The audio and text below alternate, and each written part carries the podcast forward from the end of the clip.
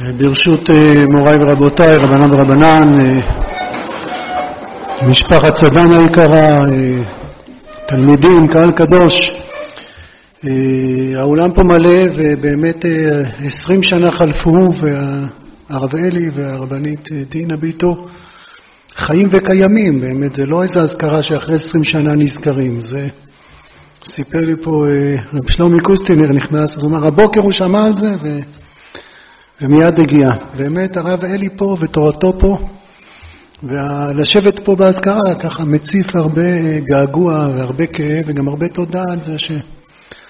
על זה שהרב אלי היה פה. אנחנו אה, בפרשת השבוע רואים שהתורה אומרת שבונים משכן, אז בונים משכן עם נדבה. דבר בני ישראל יקחו לי תרומה, מאת כל איש אשר ידבנו ליבו, יקחו את תרומתי, זהב החסד ונחושת, כולם מכירים את הפסוקים. בפרשת פקודי, כשיש סיכום של התרומה, אז כתוב שיש מאה כיכר כסף ועוד קצת, ואז התורה אומרת, אה, מעט אה, כיכר כסף, מעט, זה בשני הכיוונים, מעט כיכר כסף למעט האדנים, מעט אדנים למעט כיכר כסף. השפת אמת שם מקשה שצריך להיות הפוך. זאת אומרת, המטרה היא אדנים, והאמצעי לאדנים זה במקרה כביכול יצא, שבדיוק יש מאה אדנים, האדנים של המשכן עצמו, של החצר זה מן החושת. בדיוק צריך מאה כיכר, ובדיוק יצאה התרומה ככה כיוונה כביכול באופן מקרי לתוצאה הזאת. אז בוודאי זה לא מקרי. והפסוק אומר, היה צריך להיות שיש מעט כיכר כסף למעט האדנים, המטרה היא אדנים, ומשתמשים מעט כיכר כסף, אבל כתוב, הפסוק כותב הפוך, מעט אדנים למעט כיכר כסף. אז שפת אמת שואל, מה זה... אין, אין אדנים בשביל הכסף, יש כסף בשביל האדנים. אז שפת אמת אומר ככה, שכפי שמה שיש נדיבות לב פה בעולם, כפי מה שיש אה, נדיבות לב, זה, זה בנים של אברהם אבינו, נדיבי עמים נאספו, עם אלוקי אברהם. משכן נבנה מנדיבות לב. משכן, תורה נבנית, יש, אה, יש חובת תלמוד תורה ויש כתר של תורה, כמו שבבוא היום השם הרמב"ם. יש פרק א', ב' בהלכות תלמוד תורה, זה מה החובה של כל יהודי ללמוד תורה, ופרק ג' זה כתר של תורה, זה נדיבות לב. יש דברים שההלכה ככה קובעת. יש דברים שכל יהודי מחויב בהם בתורה, כל יהודי מצווה עליהם, ויש דברים שהם קיומיים לנפש אומה, אי אפשר לחיות בלעדיהם, והם באים בדרך של נדיבות לב. תלמידי החיים זה נדיבות לב. זה מי שנשאו ליבו להתמסר לתורה. ומשכן, לבנות את השכינה בתוך עם ישראל זה נדיבות לב. ולפי נדיבות הלב שלמטה, אומר שפת אמת, שכנראה לא הבנתי אותו מספיק, אבל פחות או יותר זה הכיוון, לפי נדיבות הלב שלמטה, ככה תרומה מתבצעת. יש מעט אדנים למעט הכיכר. הנדיבות לב זה כמו צופי ישועה שהרב מסביר באיגרות. שצופי ישועה הם אלה שמכוונים את, ה, את הישועה מצפה, הקדוש ברוך הוא מצפה שיהיו פה תלמידי החיים בעם ישראל, שיהיו, אה, שיהיו רועי צאן, שיהיו מוסרים את עצמם על הצאן, שיהיו עומדים תמיד בפרץ ומשתדלים ללמד זכות ולהילחם למען האומה ולגלות לה מה היא באמת ולמה היא מסוגלת להיות. מורי דרך כאלה ש, ש, שבנדיבות ליבם הם, הם בונים את המשכן. אחר כך הקדוש ברוך הוא יצווה אותנו. נדיבות הלב שלמטה מכוונת להוראה האלוקית שמלמעלה. ככל שהיא יותר מכוונת, אז היא יותר פותחת פתחים להופעה, להשפעה, להשגחה. והיו לנו פה, אנחנו באזכרה, לאנשים שהם נדיבי לב. הדמות של הרב מישל דיבר ככה, הרב אייכר דיבר, ונזכרתי, אה, אני זוכר איך אני, כבר רם בישיבה, אני לא יכול להיכנס לשיעור א'.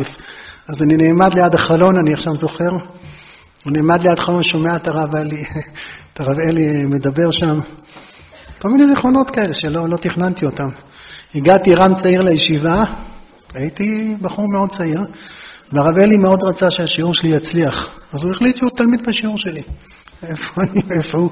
זה היה אה, בדיחה לא מצחיקה, אבל אה, הוא נכנס, הרב אלי נכנס כנראה לשיעור רציני, מה, אז, אה, אז שיעור בגמרא, באמת מעט שנים ש, ש, שכל כך רוממו וכל כך העצימו וכל כך גידלו,